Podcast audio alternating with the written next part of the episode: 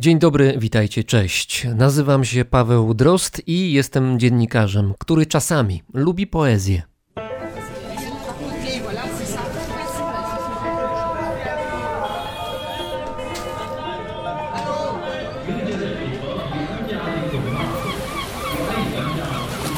Brzmienie świata z lotu Drozda. Jeśli oglądając telewizję albo jakieś nagranie w sieci natkniecie się na arabski teleturniej, Przypatrzcie się dokładnie, być może będziecie mieli szczęście. Wszystko zależy od tego, czy głównym elementem sceny jest tam bogato zdobiony fotel. Jeśli tak, nie zmieniajcie kanału, oglądajcie dalej. Trafiliście bowiem na jeden z najpopularniejszych na Bliskim Wschodzie teleturniejów, który miewa kilkunastomilionową widownię. Zapomnijcie o familiadzie, zapomnijcie o zabawach typu jaka to melodia. Tutaj przedmiotem rywalizacji jest poezja. Uczestnikami są obywatele krajów arabskich. Każdy lub każda wychodzi na scenę, siada w fotelu i recytuje swoje wiersze, zabiegając oczywiście o przychylność jury oraz licznej publiczności. Warto się postarać. Kilka lat temu zwycięzca z Kuwejtu wrócił do domu z nagrodą o wartości, uwaga, ponad miliona trzystu tysięcy dolarów. Miał się z czego cieszyć, to jasne. Cieszyli się również jego fani, którzy byli wręcz w niebo wzięci, ponieważ w świecie arabskim poeta może mieć status niemal celebryty. W Europie nawet znani poeci na swoich spotkaniach autorskich mogą zapełnić ledwie średniej wielkości salę to łatwo sprawdzić, wybierając się na takie spotkania. No są to ludzie oczywiście jakoś rozpoznawalni, ale rozpoznawalni są w niewielkim kręgu odbiorców. Poezja jest w Europie, a już na pewno w Polsce, zjawiskiem niszowym. W krajach arabskich wygląda to inaczej. Poeta jest tam istotny, ważny i hołubiony. Jego wysoki status bierze swój początek w dawnej historii, jeszcze przed narodzinami islamu. W owym czasie poezja mogła być zarówno powodem do wojny, jak i pokoju. Poezja była nośnikiem wiedzy, komunikacji i rozrywki. Była kluczowym elementem w kulturze, której królował przekaz mówiony. Ta dziejowa spuścizna ma swoją moc w krajach arabskich do dzisiaj. Nie inaczej jest w Iranie. Znawcy kultury perskiej opowiadają, że w codziennej rozmowie na ulicy ze sprzedawcą czy z taksówkarzem Irańczycy bardzo chętnie korzystają z dorobku największych poetów Persji. Ze swadą używają poetyckich porównań i nawiązań. To sposób mówienia tak naturalny, jak naturalne jest to, że zaopiekowana róża w końcu zakwitnie. I nie mam na myśli dalekiej przeszłości, tylko mam na myśli tu i teraz. Oczywiście, to nie jest tak, że każdy Irańczyk na powitanie przywita nas pięcioma strofami wymyślonego na poczekaniu wiersza. Tak nie jest oczywiście, ale jest spora szansa, że ten człowiek, ten Irańczyk, będzie znał klasykę perskiej poezji, dajmy na to z XII wieku. I co więcej, swojej wiedzy użyje w rozmowie. W tym odcinku Brzmienia Świata pierwsza opowieść będzie związana z nietypowym wykorzystaniem poezji w Japonii. Na pewno słyszeliście choć raz o haiku. To wiersze z zasady bardzo krótkie, z góry ustaloną liczbą sylab. 5 plus 7 plus 5 i koniec. Ani sylaby więcej. Haiku jest skróconą wersją innej japońskiej formy poetyckiej, jaką jest tanka. Tam układ jest taki sam jak w haiku, ale do tego należy dołożyć w drugiej części dwa razy po 7 sylab. Są naturalnie jeszcze inne zasady budowy takiego wiersza, ale liczba sylab jest ważna, jest bardzo istotna. I to właśnie wiersze tanka związane są z historią, którą za chwilę usłyszycie. Był czas, kiedy fascynowały mnie klasyczne japońskie haiku. Jednym z moich ulubionych poetów japońskich był Basho.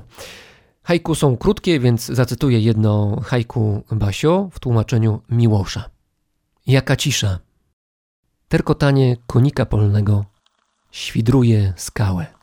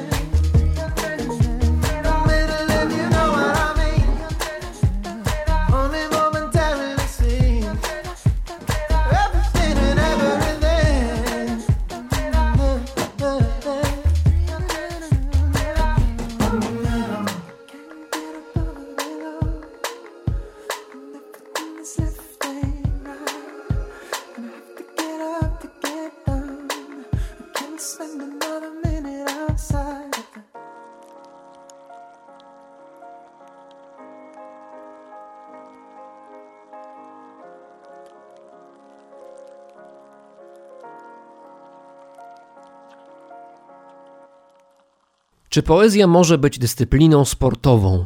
To tak jakby nadanie główne podać sushi z budyniem. Połączenie kuriozalne, prawda?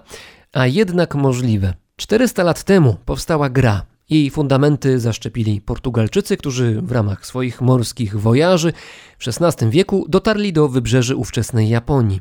Gra przyjęła się na wyspach i do dzisiaj w przeobrażonej formie ma swoich fanów i graczy. Co więcej, owa gra znajduje swoich nowych zwolenników również w młodym pokoleniu. Organizowane są zawody i turnieje, wyłaniani są mistrzowie, a ta gra zwie się Karuta. Razem z nami we Wrocławiu jest fotograf Bartosz Hołoszkiewicz. Witaj, cześć. Dzień dobry. Grze Karuta poświęcony jest jeden z Twoich ostatnich fotoreportaży. To gra karciana i nie ukrywam, że o istnieniu tej gry nie wiedziałem wcześniej, dowiedziałem się dzięki Tobie. A jest to gra historyczna, nietypowa i dosyć w Japonii popularna. Obcokrajowcy raczej w karutę nie zagrają, ponieważ znajomość języka japońskiego jest w przypadku tej gry właściwie niezbędna. To teraz może o zasadach. Na pewno jest to gra jeden na jeden. Żeby wytłumaczyć na czym gra polega, myślę, że trzeba powiedzieć troszkę więcej skąd się wzięła. Jest to gra, która jest oparta o zbiór 100 wierszy 100 różnych autorów. Jest to dość klasyczna pozycja. Są to wiersze, które są w kanonie japońskiej poezji. Zebrał je Fujiwara. I na tych 100 kartach, których używa się do gry w karutę, mamy te 100 wierszy. Jest to gra, w której bierze udział dwóch zawodników. Jest też trzecia osoba, jest to lektor. Lektor nie bierze udziału w rozgrywce, ma swój zestaw 100 kart, które losowo czyta, recytuje. Gracz na początku meczu losują ze zbioru 100 kart po 25 każdy i te 50 kart sumarycznie bierze udział w meczu. Pozostałe 50 jest odkładanych. Każdy gracz ma swoje 25 kart i może je poukładać przed sobą w trzech najczęściej rzędach w dowolny sposób. Po czym gracze mają pewien czas na zapamiętanie, gdzie dane wiersze, karty się znajdują. Po swojej stronie i po stronie przeciwnika. To jeszcze chciałbym zaznaczyć, że wersje kart graczy i wersje kart lektora różnią się od siebie. Lektor na swoich kartach ma wiersze w całości, natomiast gracze na swoich kartach mają tylko końcówki wierszy. Więc po tym czasie, który gracze mają na zapamiętanie pozycji kart, przechodzimy do rozgrywki. Lektor losowo bierze karty i zaczyna recytować. Ale rozumiem, że wcześniej gracze, kiedy mieli na początku karty z wierszami odkryte, przed rozgrywką, przed jej rozpoczęciem, potem karty już zakrywają, prawda? No nie. Tutaj nie chodzi o to, by zgadywać, która karta w którym miejscu się znajduje. Podczas losowania kart, gracze, który każdy losuje 25 kart, wtedy wiersz są zakryte, natomiast później już podczas meczu karty z wierszami są odkryte. Tutaj nie chodzi o to, by zgadnąć, który wiersz gdzie był. Chodzi o to, by jak najszybciej przejąć czytany wiersz. To znaczy, w momencie, w którym dany wiersz jest czytany, jeżeli znajduje się w rozgrywce, zadaniem gracza jest jak najszybsze przejęcie tej karty z wierszem. Tutaj nieraz ułamki sekund od momentu, w którym lektor zacznie recytować wiersz, do momentu, w którym gracze, którzy wiedzą, bo co pamiętali, gdzie dany wiersz się znajduje po swojej stronie czy po stronie przeciwnika, błyskawicznie sięgają po ten wiersz. Mogą go dotknąć, zasłonić, strącić. Liczy się refleks i koordynacja słuchowo-ruchowa. Z tego, co mówisz, to mamy tutaj sakrum i profanum, to znaczy mamy sakrum w postaci poezji, sztuki wyższej, kunsztu słowa, a z drugiej strony mamy po prostu rozgrywkę pod tytułem ja pierwszy, ja pierwszy. No tak, i to jest coś, co mnie jak pociąga w tej grze i zainteresowało na tyle, że wybrałem się do Japonii, by zrealizować ten materiał. Ten kontrast pomiędzy czymś, co jest sztuką wyższą, czymś, co jest częścią kultury, a jednocześnie czymś, co jest bardzo fizyczne, bardzo ludzkie. To mnie zafascynowało. Wytłumacz mi, jak to wygląda w praktyce, bo zakładam, że gracze, szczególnie ci już bardziej doświadczeni, znają bardzo dobrze, znają na pamięć wszystkie 100 wierszy, które mogą wziąć udział w rozgrywce. Ostatecznie wiemy, że 50 z nich tylko w danym meczu bierze udział. I właściwie już po pierwszym słowie czytanym przez lektora uczestnicy wiedzą doskonale, że okej, okay, to jest właśnie ten wiersz. I potem to jest jakaś walka właściwie rękoczyny, to znaczy kto pierwszy dotknie. No zdecydowanie tak. Tutaj, żeby grać na poziomie jakkolwiek kompetytywnym, to, że każdy gracz musi znać te 100 wierszy jest oczywiste. To, że też na tych kartach dla graczy są tylko końcówki tych wierszy, też wprowadza pewien kolejny poziom trudności. Teraz w tym zbiorze 100 wierszy mamy wiersze, które są unikatowe w ten sposób, że jest tylko jeden wiersz, który rozpoczyna się na daną sylabę. Więc już po pierwszej sylabie, którą lektor recytuje, gracz wie, że to jest na pewno ten wiersz. Później są wiersze, których dopiero druga sylaba jest decydująca. To znaczy, że jest parę wierszy, których pierwsza jest taka sama, druga jest inna. I tak dalej, i tak dalej, aż do trzeciej, czwartej. Więc w tych wierszach, które są unikatowe z pierwszą sylabą, ta reakcja jest błyskawiczna. To są naprawdę ułamki sekund. Atmosfera podczas meczu jest strasznie napięta. Widzowie, absolutna cisza. Też podczas już samego meczu nie można fotografować, nie można przeszkadzać co też prowadzi do zabawnej sytuacji, w której przed meczem o tytuł Meijina i Queen jest taki czas, pół godziny dla prasy, w której gracze udają, że będą brali tą kartę, tak by fotografowie mogli zrobić zdjęcia, jak gracze sięgają po tą kartę. Ale wracając do samej rozgrywki, są wiersze, które są unikatowe, są wiersze, które po drugiej, trzeciej sylabie wiadomo jest, który to jest wiersz, aczkolwiek też w zależności od lektora, z której części Japonii jest, w zależności od tego, jak czyta, jakie ma doświadczenie, też sposób, w jaki czytana jest ta pierwsza sylaba danego wiersza dla doświadczonych graczy, oni już wiedzą, że przez to, że pierwsza sylaba jest czytana w ten sposób, no to druga będzie ta, która wskaże na ten wiersz. Ja się zastanawiam, czy gracze w ogóle znają środek wiersza, bo właściwie powinni, właściwie, żeby dobrze e, rozegrać mecz, żeby wygrać, muszą znać końcówkę, no bo te końcówki są zapisane na kartach, które leżą przed nimi, a muszą znać też te pierwsze kilka sylab dosłownie, po to, żeby się zorientować, jaki wiersz zaczyna czytać lektor. Wobec tego środek chyba w ogóle wiersza jest nieistotny. Pod względem rozgrywki można mieć takie wrażenie, aczkolwiek to, by tak naprawdę zrozumieć tą grę, tak przynajmniej twierdzą gracze, no ważna jest jednak znajomość całości wiersza. Też sposób podejścia do samej gry i do tego sportu też się różni wśród graczy.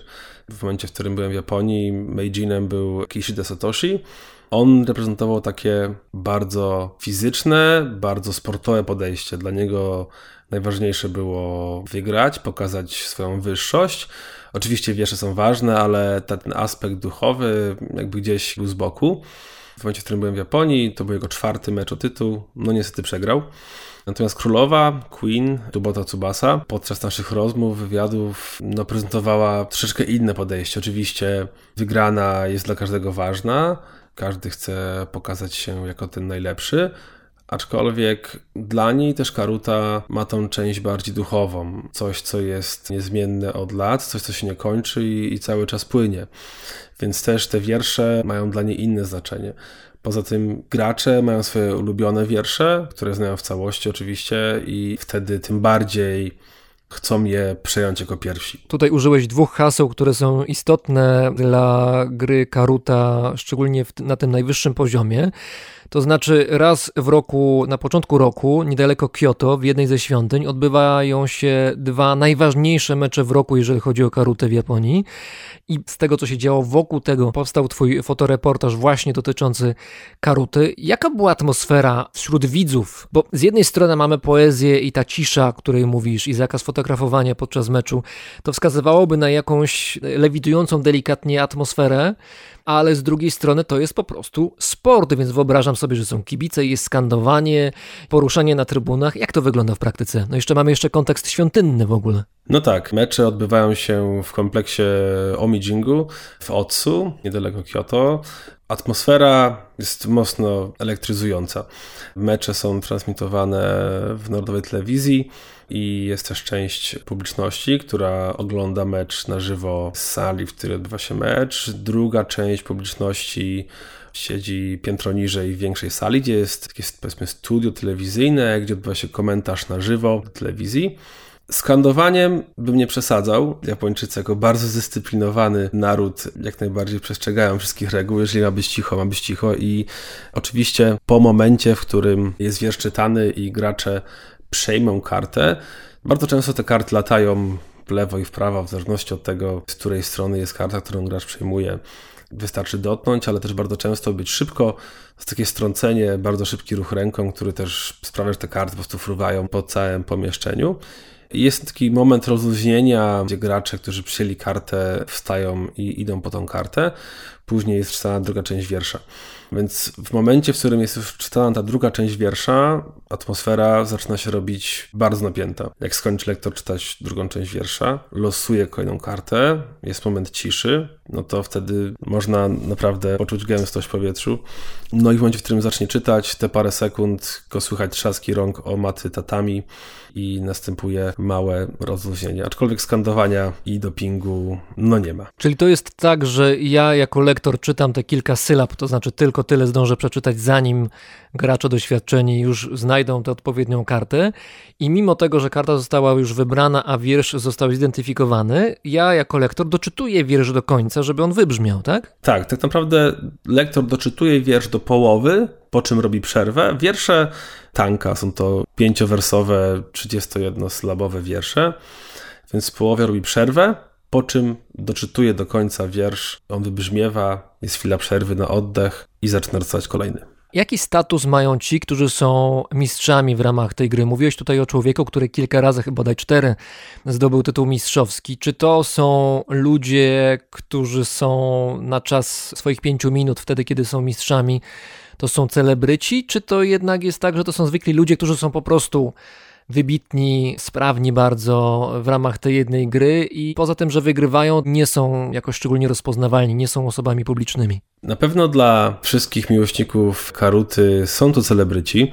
Tutaj sytuacja, w której Meijin Kishida po raz czwarty bronił tytułu, to jeszcze nie jest szczyt możliwości Meijinów. W historii było kilku, którzy dłużej trzymywali się, zwłaszcza jedna Queen utrzymywała się przez bodajże paręnaście lat. Czyli Meijin to jest mistrz, Queen to jest mistrzyni kobieta. Tak, już od ponad 100 lat odbywają się te mecze.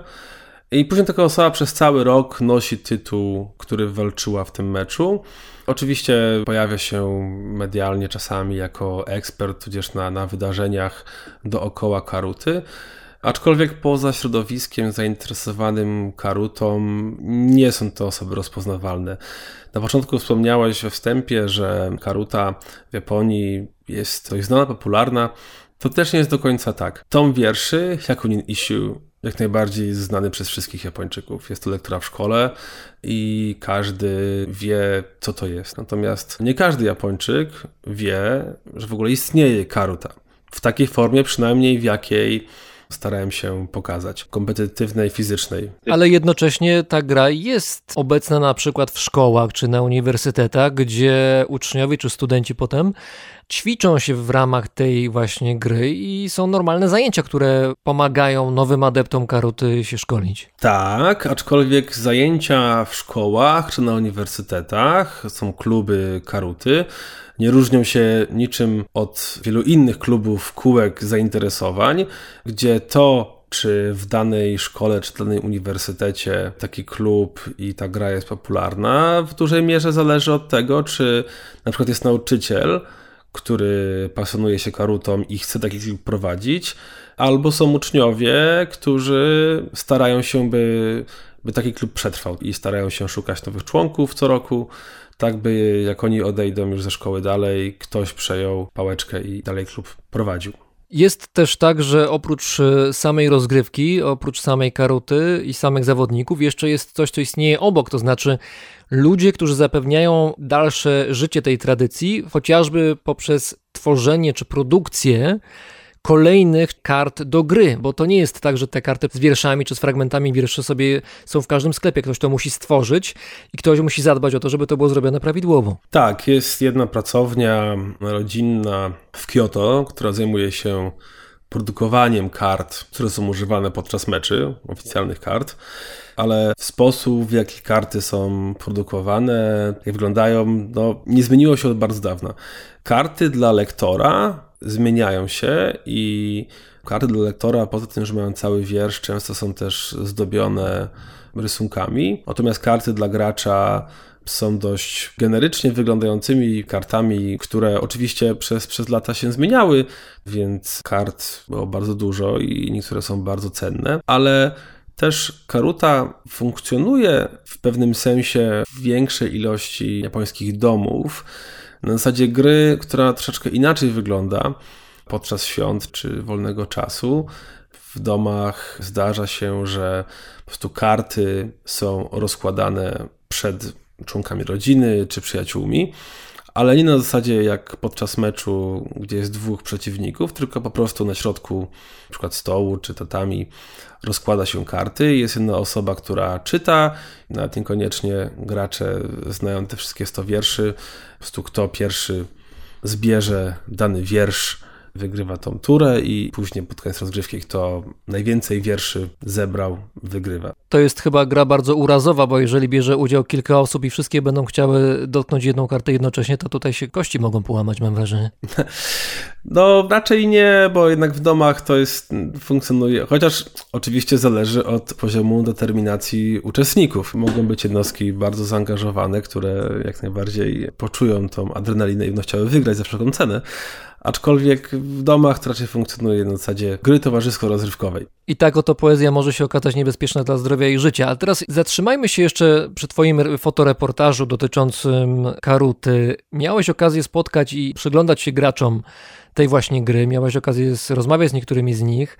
Czy to jest jakiś specyficzny rodzaj osób? To znaczy oni są zafiksowani na, na właśnie na zręczności, na rywalizacji? Czy to jest tak, że to jest rodzaj hobby, które akurat ktoś może zbierać znaczki, a ktoś akurat gra w karutę. Jak to jest? Karuta nie jest sportem zawodowym. Gracze, których poznałem, są normalni ludzie z normalnymi pracami, którzy na przykład właśnie Kishida Satoshi jest farmaceutą, Tubota Tsubasa pracowała w biurze. Po prostu swój wolny czas poświęcają na doskonalenie swojej techniki, doskonalenie swojego słuchu i swojej rozgrywki. Więc to jest coś, co jest ich hobby, w które są bardzo, bardzo mocno zaangażowani, wiedząc, że, że ma pieniędzy, starają się przeżyć. Oczywiście podczas turniejów są nagrody, są puchary, aczkolwiek no nie jest to siogli, gdzie zawodnicy traktują swoje mecze jako regularną pracę, za którą dostają wynagrodzenie. Mi, by móc spotkać się z tymi ludźmi, wymagało praktycznie roku mailowania, kontaktu, z ludźmi zaangażowanymi w Harutę w Japonii, by dostać pewne zgody na bycie tam i na dokumentowanie tego. A jak wygląda taki trening? To jest symulowany mecz, czy coś więcej? Czy jest w ogóle sparring partner dla takiego potencjalnego mistrza, który się szykuje do walki? Są trzy sposoby, w których można trenować. Można trenować albo samemu, są urządzenia przygotowane specjalnie do treningu. Urządzenia są niczym więcej niż głośnikiem, w który wkłada się kartę pamięci. Najlepsi lektorzy są nagrywani i można zakupić kartę pamięci z tymi wierszami recytowanymi przez nich. I to urządzenie po prostu losowo czyta, odtwarza wiersze czytane przez lektorów. Można trenować w taki sposób ze sparring partnerem, również jeżeli nie ma się osoby, która może być lektorem, wspomagając się takim urządzeniem. Albo tak jak miałem okazję doświadczyć z treningiem Meijina, w Omijingu właśnie, w świątyni, dwa tygodnie przed meczem. Udaliśmy się tam z Meijinem, z jego, nazwijmy to trenerką i jeszcze jedną osobą, bardzo mocną kobietą, graczem i odbyli taki sparring, ale już z lektorem na żywo. Mecz na tym poziomie już o tytuł jest troszeczkę jak w wielkim szlemie w tenisie. To znaczy kobiety grają do dwóch wygranych, czyli może być maksymalnie trzy mecze w jeden dzień Mężczyźni grają do trzech wygranych meczy, więc może być teoretycznie pięć meczy w jeden dzień. I to są mecze, w których no jednak się klęczy ciało i ten aspekt fizyczny też musi być tylko przystosowany. W ciągu takiego dnia turniejowego gracz, który przechodzi dalej, może musieć rozegrać takich meczy również pięć, więc na pewno kondycja jest ważna, wytrzymałość, potrafią to być bardzo wymagające sytuacje. Jesteś w stanie sobie wyobrazić odpowiednik polski gry Karuta z wierszami, nie wiem, Różewicza, Miłosza Jeszcze może coś i tak gramy wszyscy tutaj z wypiekami na twarzy, patrząc jak mistrzowie rywalizują między sobą? Próby przełożenia tej formy w innych krajach no pojawiały się, aczkolwiek no nie zyskały takiej popularności jak w Japonii, więc nie spodziewałbym się, że szybko tego rodzaju gra pojawi się w Polsce i zdobędzie popularność. Może to jest nisza, którą trzeba zapełnić, na przykład wiersze szymborskie, wydaje mi się, niektóre mogłyby się fajnie nadawać do takiej właśnie gry, recytacji i szybkiej bardzo reakcji ręki. Naszym gościem we Wrocławiu był Bartosz Hołoszkiewicz, fotograf, którego zdjęcia możecie znaleźć na jego stronie internetowej rentonholmes.com. Dzięki. Dzięki. Thank you.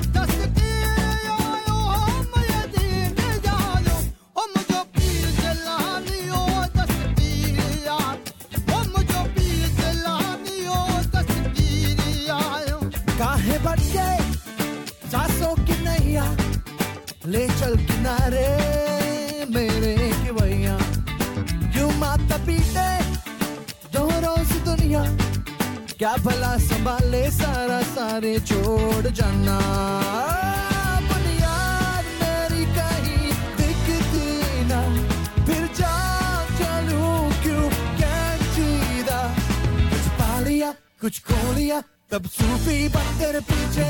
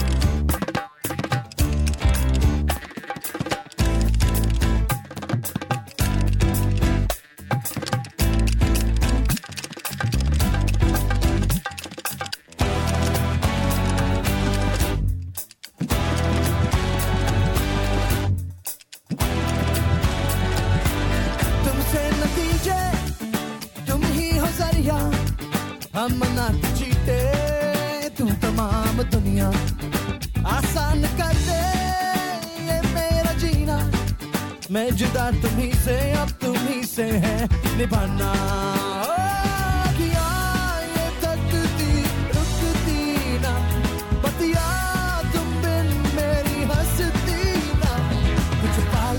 कुछ खो लिया तब सूफी बंदे पीछे। पीछे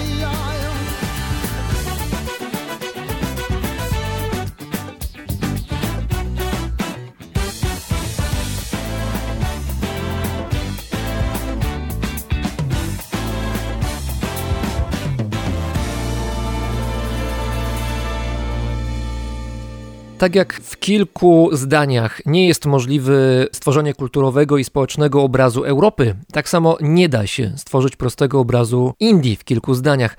Temu subkontynentowi lepiej przyglądać się może bardziej w dużym zbliżeniu, we fragmencie. I tak teraz zrobimy, zaglądając na południe do stanu Kerala, gdzie istnieje miasto Cochin. Naszym przewodnikiem będzie etnolożka, doktorantka z Polskiej Akademii Nauk, założycielka Fundacji Tejas i nauczycielka jogi Alina Kaczmarek-Subramanian. Dzień dobry, witaj. Cześć, dzień dobry. W mieście Cochin prowadziłaś badania, badania antropologiczne, etnologiczne.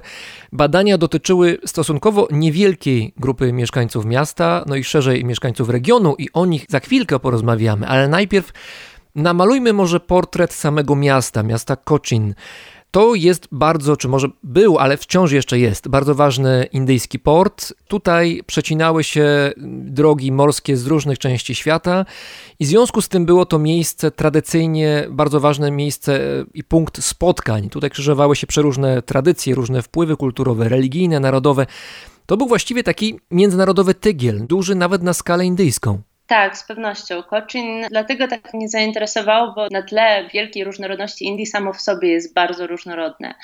Już w czasach antycznych były tam wpływy arabskie i chińskie, ponieważ była wymiana handlowa między tymi miejscami. A potem Kochi stało się pierwszą kolonią zamorską w Indiach, a po drodze jeszcze i przybywali tam Żydzi, którzy mieli bardzo ważne miejsce blisko Radży Kochinu i to pokazuje też, jak bardzo ten charakter Koczynu był niesamowity, był szalenie tolerancyjny. Znaczy, brało się wszystko co najlepsze od tych różnych społeczności, które przybywały. Miało to też związek z tym, że tak naprawdę nie było w Koczynie grupy odpowiedzialnej za handel. Więc z różnych miejsc przybywały różne grupy po to, żeby tymi towarami, z których Kerala słynie, czyli to są głównie przyprawy, żeby się nimi tam wymieniać i nimi handlować. Tutaj ważna rzecz, którą wspomniałaś, dla mnie zupełna nowość. Kiedy przygotowywałem się do tej rozmowy, to byłem naprawdę zaciekawiony i zdziwiony tym, że Cochin był miastem, gdzie istniała największa w tej części świata, największa w Indiach diaspora żydowska. Do dzisiaj zresztą tam chyba jedna albo więcej synagog istnieje. One, jak rozumiem, już są w tej chwili puste, to znaczy nieczynne. Nie ma tam e, na miejscu diaspory żydowskiej, ale kiedyś była i to całkiem spora. Tak, jak najbardziej. Blisko tego pałacu Radży w Mattancheri, czyli właśnie tej części handlowej, starszej części Koczinu, jest taki słynny zegar, który z jednej strony ma liczby rzymskie, z drugiej strony liczby w języku lokalnym w Malayalam, a z trzeciej strony właśnie hebrajskie. Także jest to dość niesamowity symbol tej różnorodności. I Żydzi w ogóle bardzo blisko osiedlali tego pałacu Radży, więc zajmowali dość ważne tam miejsce. I To, co ciekawe, tam jest synagoga, która dalej funkcjonuje. Tam jest dosłownie, jak ja robiłam badania, było jeszcze ośmioro Żydów, teraz jest chyba siedmioro, w związku z tym, że jedna najstarsza odeszła. I rzeczywiście ta synagoga wciąż działa, tylko zmieniła zupełnie charakter. Jakby w tym kontekście globalizacji nowoczesnego świata jest to ciekawe, bo Żydzi z różnych stron świata przyjeżdżają do Koczinu poznawać tę część swoich korzeni i właśnie odwiedzają synagogę, gdzie regularnie wszystko się odbywa, co powinno się odbywać w synagodze. Można ją też zwiedzać i jest też dość niesamowita, bo ozdobiona płytkami holenderskimi, co też jest takim znakiem tej różnorodności Koczinu, gdzie były wszystkie, no nie wszystkie, bo nie było Francuzów, ale byli Portugalczycy, byli Holendrzy i potem Brytyjczycy. I te wpływy kolonialne też są tam bardzo wyraźne i te płytki są takim symbolem też tego, że tam wszystko się maglowało i mieszało byli hinduiści, muzułmanie, Żydzi, już powiedzieliśmy, chrześcijanie, ale chrześcijanie też różnych, różnych obrządków, bo nie wiem, czy, czy, czy do dzisiaj istnieją jeszcze chrześcijanie z kościoła malabarskiego, który sam w sobie jest w ogóle niezwykłą odmianą kościołów chrześcijańskich. Jak najbardziej te kościoły dalej tam są i są e, też takie kaplice, miejsca modów i właśnie w Kocinie też w tej części właśnie Matanczeli, tej części handlowej jest na przykład taki słynny czarny krzyż, który należy do tego kościoła świętego Tomasza, ale do którego przychodzą się modlić wszyscy. Nie wiem czy muzułmanie, ale na pewno Hindusi przychodzą uznając to za takie miejsce święte i wyjątkowe. Bo kościół świętego Tomasza to jest kościół malabarski, tutaj można postawić znak równości. Tak, to się nazywa też z angielskiego Syrian Church. Porozmawiajmy w takim razie może o samym mieście Kochi od strony takiej wizualnej może bardziej. Miasto jak na skalę indyjską raczej średniej wielkości, chociaż jak powiedzieliśmy wcześniej mhm. ważne, istotne bardzo dla stanu Kerala i czy te wpływy, ten tygiel kulturowy, religijny i narodowościowy, etniczny tam wciąż się jakoś odczuwa, czy to już jednak jest pewne ujednolicenie i dominuje rys hinduski z domieszką oczywiście rysu muzułmańskiego. No, zdecydowanie jest to widoczne, bo ta stara część Cochino jest taką starówką. Tam Portugalczycy zbudowali Fort Manuel, który potem został zburzony, i Holendrzy następnie na ruinach tego Fortu Manuel zbudowali właśnie Fort Cochin. I ten Fort Cochin to właśnie część, która w ówczesnych czasach była częścią portową. Teraz oczywiście port jest znacznie większy. Cochin tak naprawdę nazywa się też, używa się tej nazwy Ernakulam, który obejmuje cały ten dystrykt i, i te okolice. I port oczywiście został przeniesiony, jest teraz ogromny, ale wówczas na skalę tamtych czasów był właśnie w Forcie Cochin duży port zamorski. I to, co jest ciekawe, ta część miasta jest osiedlona tylko przez chrześcijan, katolików, którzy byli w swoim czasie taką grupą uprzywilejowaną. I to jest pozostałość po porcie Manuel, po Portugalczykach. Oni prowadzili bardzo intensywną działalność misyjną. I co ciekawe, Holendrzy nie i nawet z tym nie walczyli, nie próbowali zmienić lokalnej ludności. Nie taki był ich cel, oni byli bardziej nastawieni na handel. No i właśnie w tej części można zobaczyć duże, piękne domy chrześcijańskich rodzin. Można zobaczyć słynne stare kościoły, można zobaczyć grób Vasco da Gama. On został potem przeniesiony do Lizbony, ale, ale jakby cały czas jest to miejsce takie znaczące historycznie. I potem, jak się wychodzi z tego Fortu Cochin, ja właśnie mieszkałam na skraju dwóch dzielnic. Idzie się ulicą zwaną Palace Road, ulicą Pałacową, do takiej części, która nazywa się Matancheri. I to była część słynąca z handlu. Cała ulica Palace Road wciąż jest takim kłębowiskiem handlu, gdzie różne te społeczności sprzedają czy się zajmują. Teraz oczywiście to się wymieszało. Kiedyś te grupy zazwyczaj zajmowały się jakąś jedną konkretną rzeczą, jedną konkretnym zawodem, sferą sprzedaży. Teraz tam oczywiście wszystko e, jest troszkę wymieszane. I idąc tą ulicą pałacową dochodzi się właśnie do Pałacu Radży. Pałacu Radży, który został zbudowany przez Holendrów dla Radży, więc to też jest znowu wpływ kolonialny. Od tej ulicy na różne strony rozchodzą się mniejsze ulice i przy tych ulicach mieszkają właśnie bardzo różne społeczności. Mieszkają chłopcy z Gujaratu i Hindusi i muzułmanie i mieszkają Tamilowie, Braminowie tamilscy, którzy gdzieś e, w procesie historycznym zostali zaproszeni, żeby też się osiedlić w tych rejonach. E, mieszkali właśnie Żydzi, jest ulica Żydowska tak zwane Jewtown, które też dalej się cieszy ogromną popularnością. Jest takim jednym z miejsc, które koniecznie turyści chcą w Koczynie odwiedzić i właśnie idą do tej słynnej synagogi, która nazywa się Paradesi to oznacza obcokrajowca, więc to też jest takie ciekawe, że już ta otwartość na tą inność jest wpisana w krajobraz, w nazewnictwo.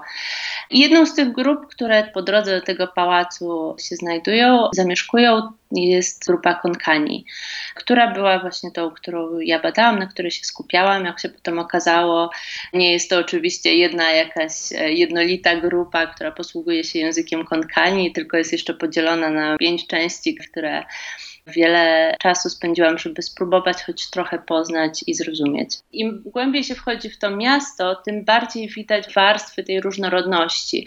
I to nie jest koniecznie coś, co widać, jeżeli po prostu się pojedzie na wycieczkę do Koczinu, bo zazwyczaj w tych wszystkich przewodnikach jest napisane, to jest właśnie ulica Żydowska, tutaj jest Pałac Radży, tutaj jest Fort Kochi, jest dużo pozostałości po Portugalczykach i Holendrach i mniej więcej taki jest przekaz. A potem jak się w to wchodzi głębiej, to nagle się okazuje, że tam jest, jak mi mówiono, ja, ja nie spotkałam aż tylu członków tych społeczności, w sensie nie rozmawiałam ze wszystkimi, ale jest 30 pomniejszych grup.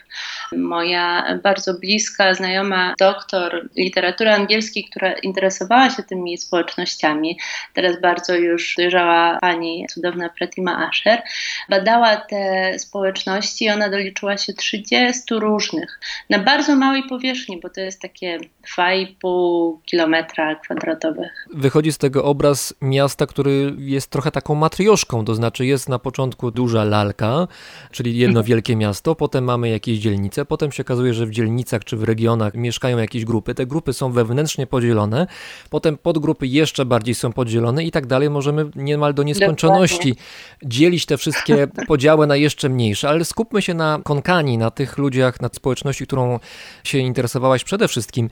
Oni się pojawili w Kochi niedawno w skali indyjskiej, to znaczy 500 lat temu. Przyjechali z mhm. regionu Goa. Przyjechali tam, ponieważ, jak wcześniej powiedziałaś, intensywna aktywność misyjna Portugalczyków ich właściwie do tego zmusiła. Gdzieś tam spotkałem takie sformułowanie, że właściwie Portugalczycy w rejonie Goa szczególnie prowadzili coś w rodzaju inkwizycji na terenie Indii, co mhm. powodowało, mhm. że niektóre grupy społeczne i religijne musiały salwować się ucieczką i do nich należeli właśnie Konkani. Tak, nawet moi rozmówcy tak to nazywali. Pamięć krzywdy, której doznaję od Portugalczyków, jest wciąż bardzo, bardzo w nich żywa. Rzeczywiście było tak, że działalność misyjna w Goa była znacznie bardziej intensywna niż w Koczynie. Koczyn miał mocną pozycję ze względu na działalność Radżego. Koczyński Radża był ważną postacią. Dostał pałac. Ważne było to, żeby z nim współpracować. Goa nie było takie zaopiekowane. Tak naprawdę jak przyjechali tam Portugalczycy, to wzięli wszystko jak było. Próbowały oczywiście lokalne księstwa jakoś z tym walczyć, ale nie miały aż takiej siły przybicia. Jak zaczęli się rozkręcać, to właśnie dawali takie ultimatum, albo przechodzi się na wiarę katolicką, albo się ginie, w zamykanym więzieniu. Też bardzo naruszali czystość, która w hinduizmie jest strasznie ważna. Mnie opowiadano, oczywiście to są trochę trudno w tym odróżnić, co mogło się rzeczywiście wydarzyć, a co jest takim mitem, bo to oczywiście jest przekaz ustny i tylko na tym bazujemy de facto, tak? Nie ma aż takich zapisów tego, co się konkretnie tam działo, ale moi rozmówcy często mówili o tym, że na przykład wbijano krzyż w święte drzewko Tulsi, który konkani, szczególnie grupy bramińskie trzymają przed domem i to jest drzewko, które jest uosobieniem boskości, tak? Jest nawet taki miesiąc w roku, gdzie uważa się, że właśnie Bóg mieszka w tym drzewku Tulsi. No i właśnie ten bardzo agresywny ruch zagarniania tej przestrzeni świętej przez Portugalczyków był dla nich bardzo trudny i traumatyczny. Więc ta grupa, która mieszka w Koczynie, w XVI wieku postanowiła uciec i były dwa nurty tej ucieczki. Niektórzy ruszyli lądem i te osoby doszły do Karnataki, jest duża mniejszość koczyńska w Mangalore, w Karnatace, czyli w sąsiednim stanie do Kerali. A druga grupa, co mnie bardzo zaciekawiło, jak, jak zaczęłam tego wszystkiego słuchać, uciekła łodziami i dopłynęła tymi łodziami właśnie do Koczinu albo do okolicznych miast i właśnie się tam osiedlili. Mówi się, że to była grupa zamożna, to koczyński Raja chętnie ich przyjął i dał im ziemię pod zabudowę, gdzie właśnie zbudowali swoją świątynię. Tak ja ich znalazłam właśnie chodząc i szukając tematu i zapoznając się z tym Koczinem, zobaczyłam taką wielką świątynię, ale mocno ukrytą za, no jakby za jedną ścieżką, za drugą ścieżką, tutaj gdzieś był jakiś łuk i nagle wchodzę na jakiś taki teren, gdzie jest naprawdę ogromny płot, ogromna przestrzeń, a za nim jest świątynia zamknięta zupełnie dla odwiedzających, do której nie hinduiści nie mają wstępu, czyli ja w niej nigdy w środku nie byłam. Mogłam tylko sobie budować obraz z opowieści tego ogromu, który tam jest. I właśnie tak się dowiedziałam o tym, że tutaj mieszkają tacy konkani, którzy dostali ziemię od Radżego i się właśnie osiedlili w tym XVI wieku. Zachowali swoją wiarę, obronili to, co było dla nich najważniejsze. I minęło 500 lat, jak y, Zbicza strzelił, i konkani w Koczynie nadal są uważani za obcych, to znaczy za ludzi, którzy przyszli skądś, nie są stąd, są jacyś inni.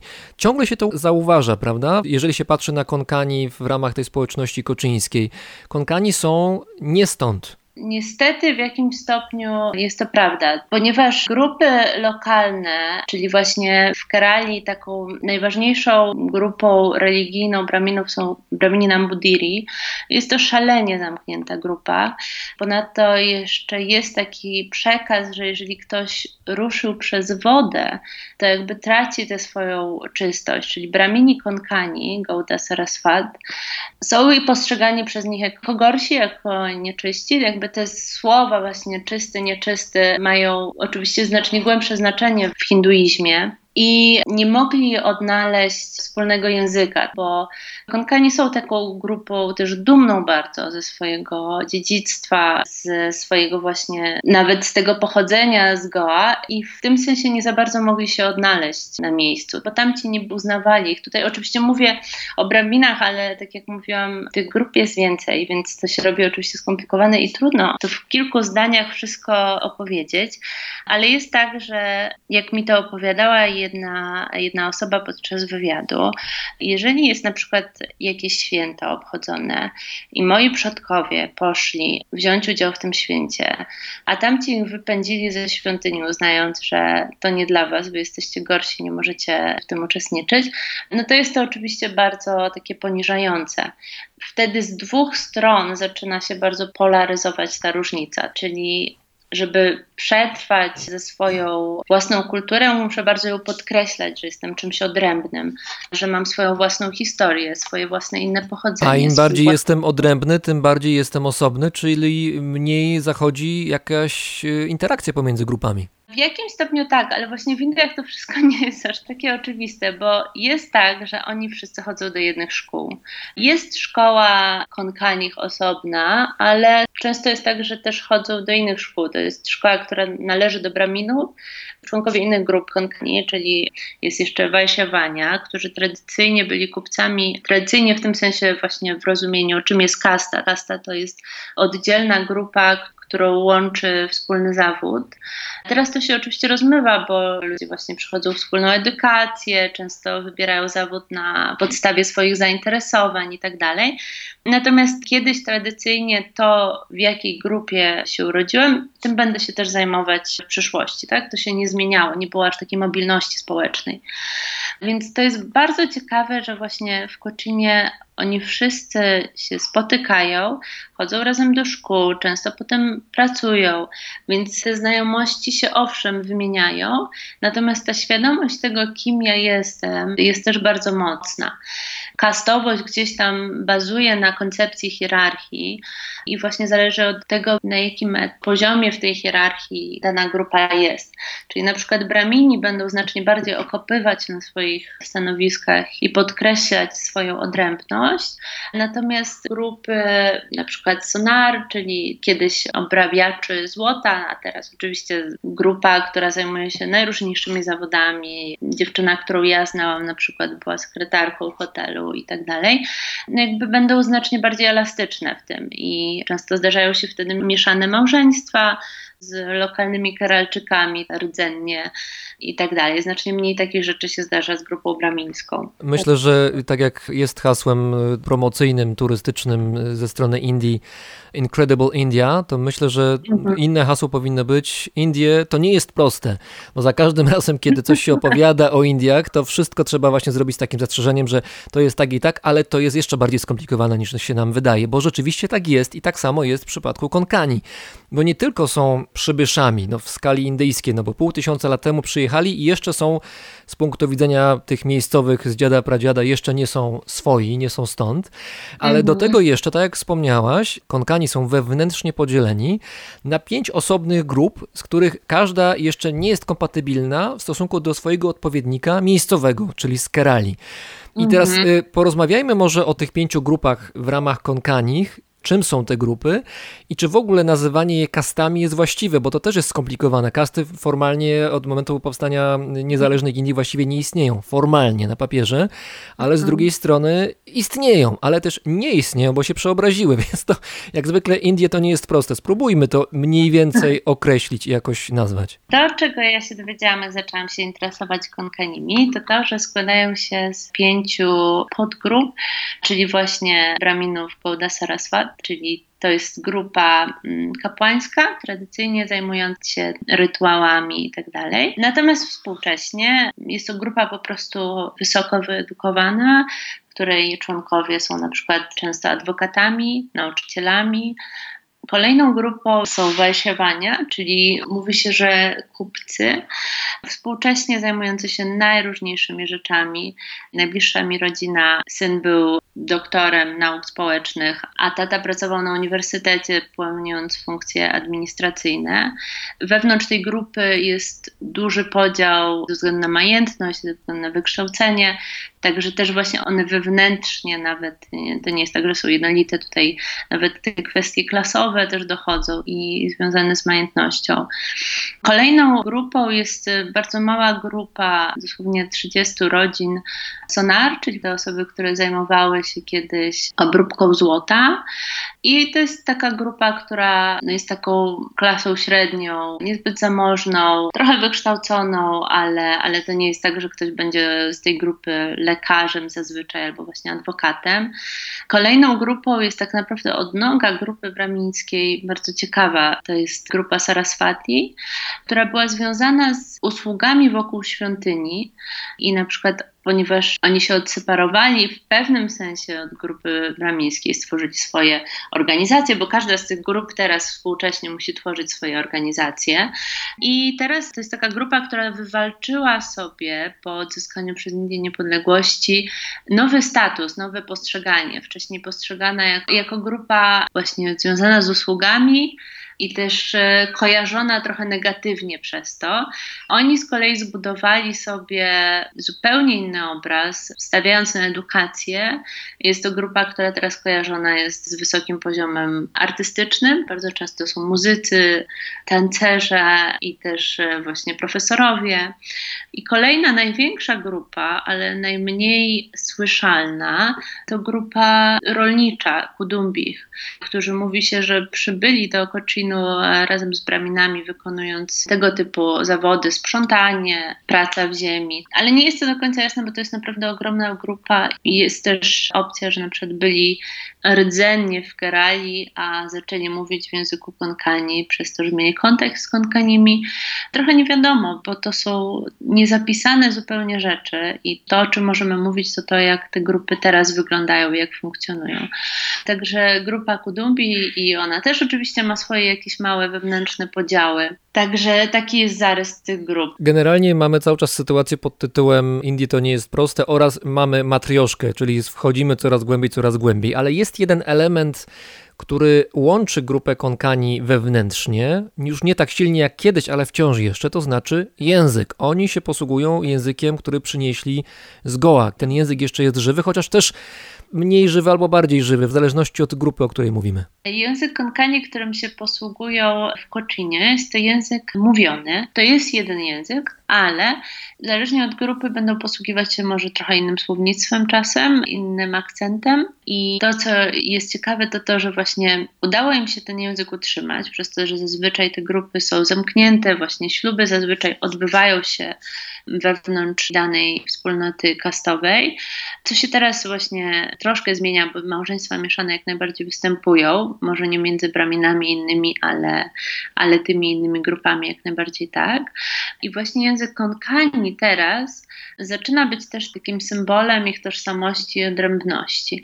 Co ciekawe, też nabiera innego charakteru niż miał, tak? bo wcześniej to był język domowy, to jest ten język, którego się uczymy jako pierwszym, chociaż może nie zawsze miał bogate słownictwo na przykład, przez to, że Goa opuścili dawno, więc często wchodziły elementy języka lokalnego Malayalam do słownika języka Konkani, jakim Konkani się w Kochinie posługują. I teraz oni zaczynają na przykład uczyć się alfabetu typowo północnoindyjskiego Devanagari, w którym zapisuje się język Konkani na Goa. I to jest zupełnie nowa e, sprawa i nowy trend, ponieważ wcześniej tego języka w ogóle nie zapisywali, a jeżeli już zapisywali, to by zapisali i dalej to często robią w alfabecie Czyli w tym lokalnym alfabecie karalskim. Teraz uważa się, że skoro na Goa mówią, piszą w języku Konkani w Devanagari, to my też powinniśmy tak robić.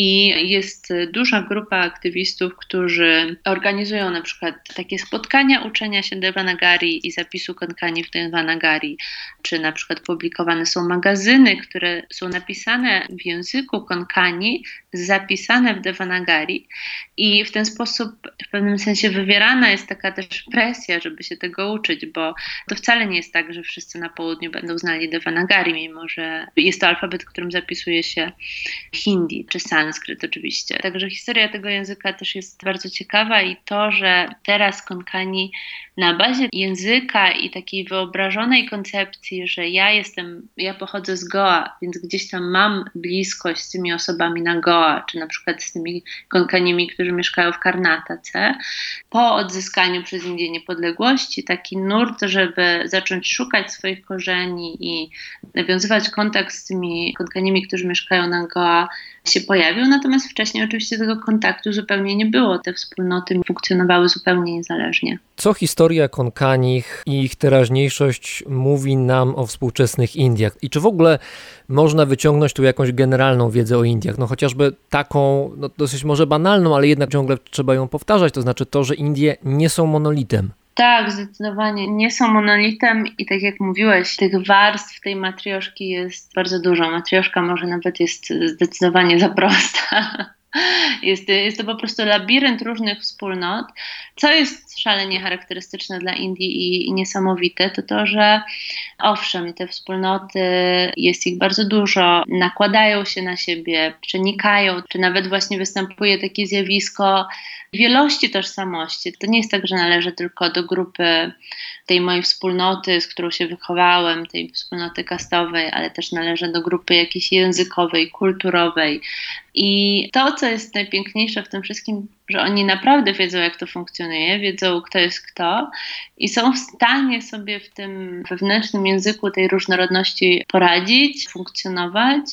I te znajomości międzygrupowe są czymś zupełnie normalnym. Oczywiście to może być punkt zapalny, jeżeli polityka wedrze się w sprawy codzienności i gdzieś tutaj namąci, ale jest tak, że te wspólnoty, te sąsiedztwa funkcjonują razem i bardzo często przyjaźnie tworzą się między przedstawicielami różnych grup religijnych, wyznaniowych i, i tak dalej.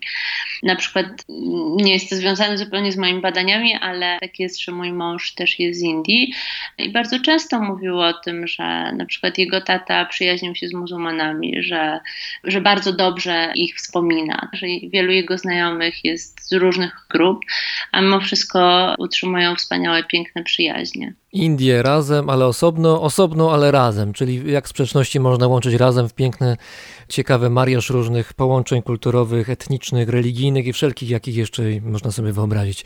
Bardzo dziękuję, będziemy kończyć, bo słyszę, że młode pokolenie domaga się atencji.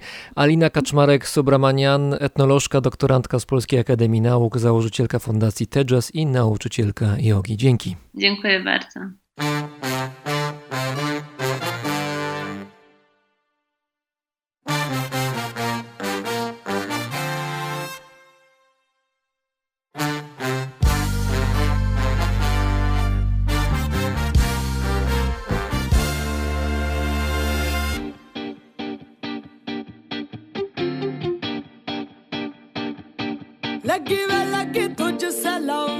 ना जोगणिया तेरी बन के तर जाना। छड़ी वे छड़ी जग से यारिया, मैं सावरिया, तेरे दर पे मर जाना। अब तू मेरे सांस, जो बचे नाम है तेरे, सब ये लिखवाड़े हक तू मेरा हाल है, मेरा और ना कोई मुझको पहचाने।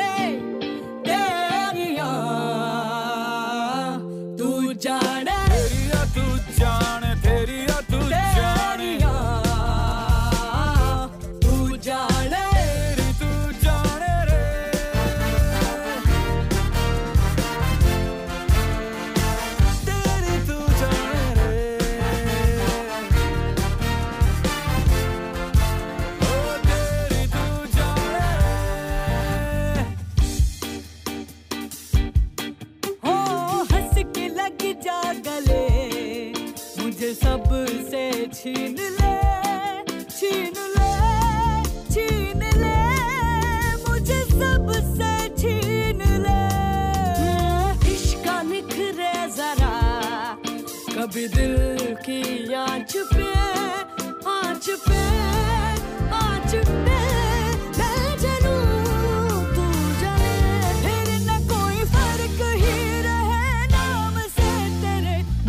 सब जाने।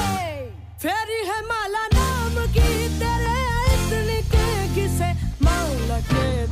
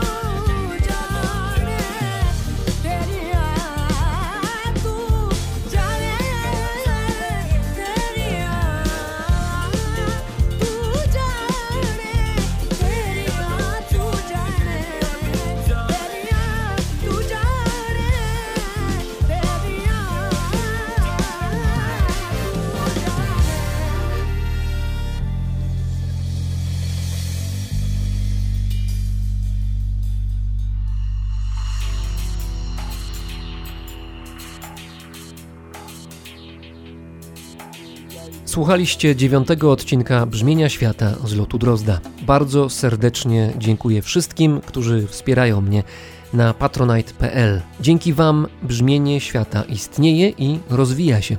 Wasza obecność i wkład są ważne i jeszcze raz za nie dziękuję i polecam się oczywiście na przyszłość. Paweł Drost, czyli ja, mówi Wam dobrego dnia.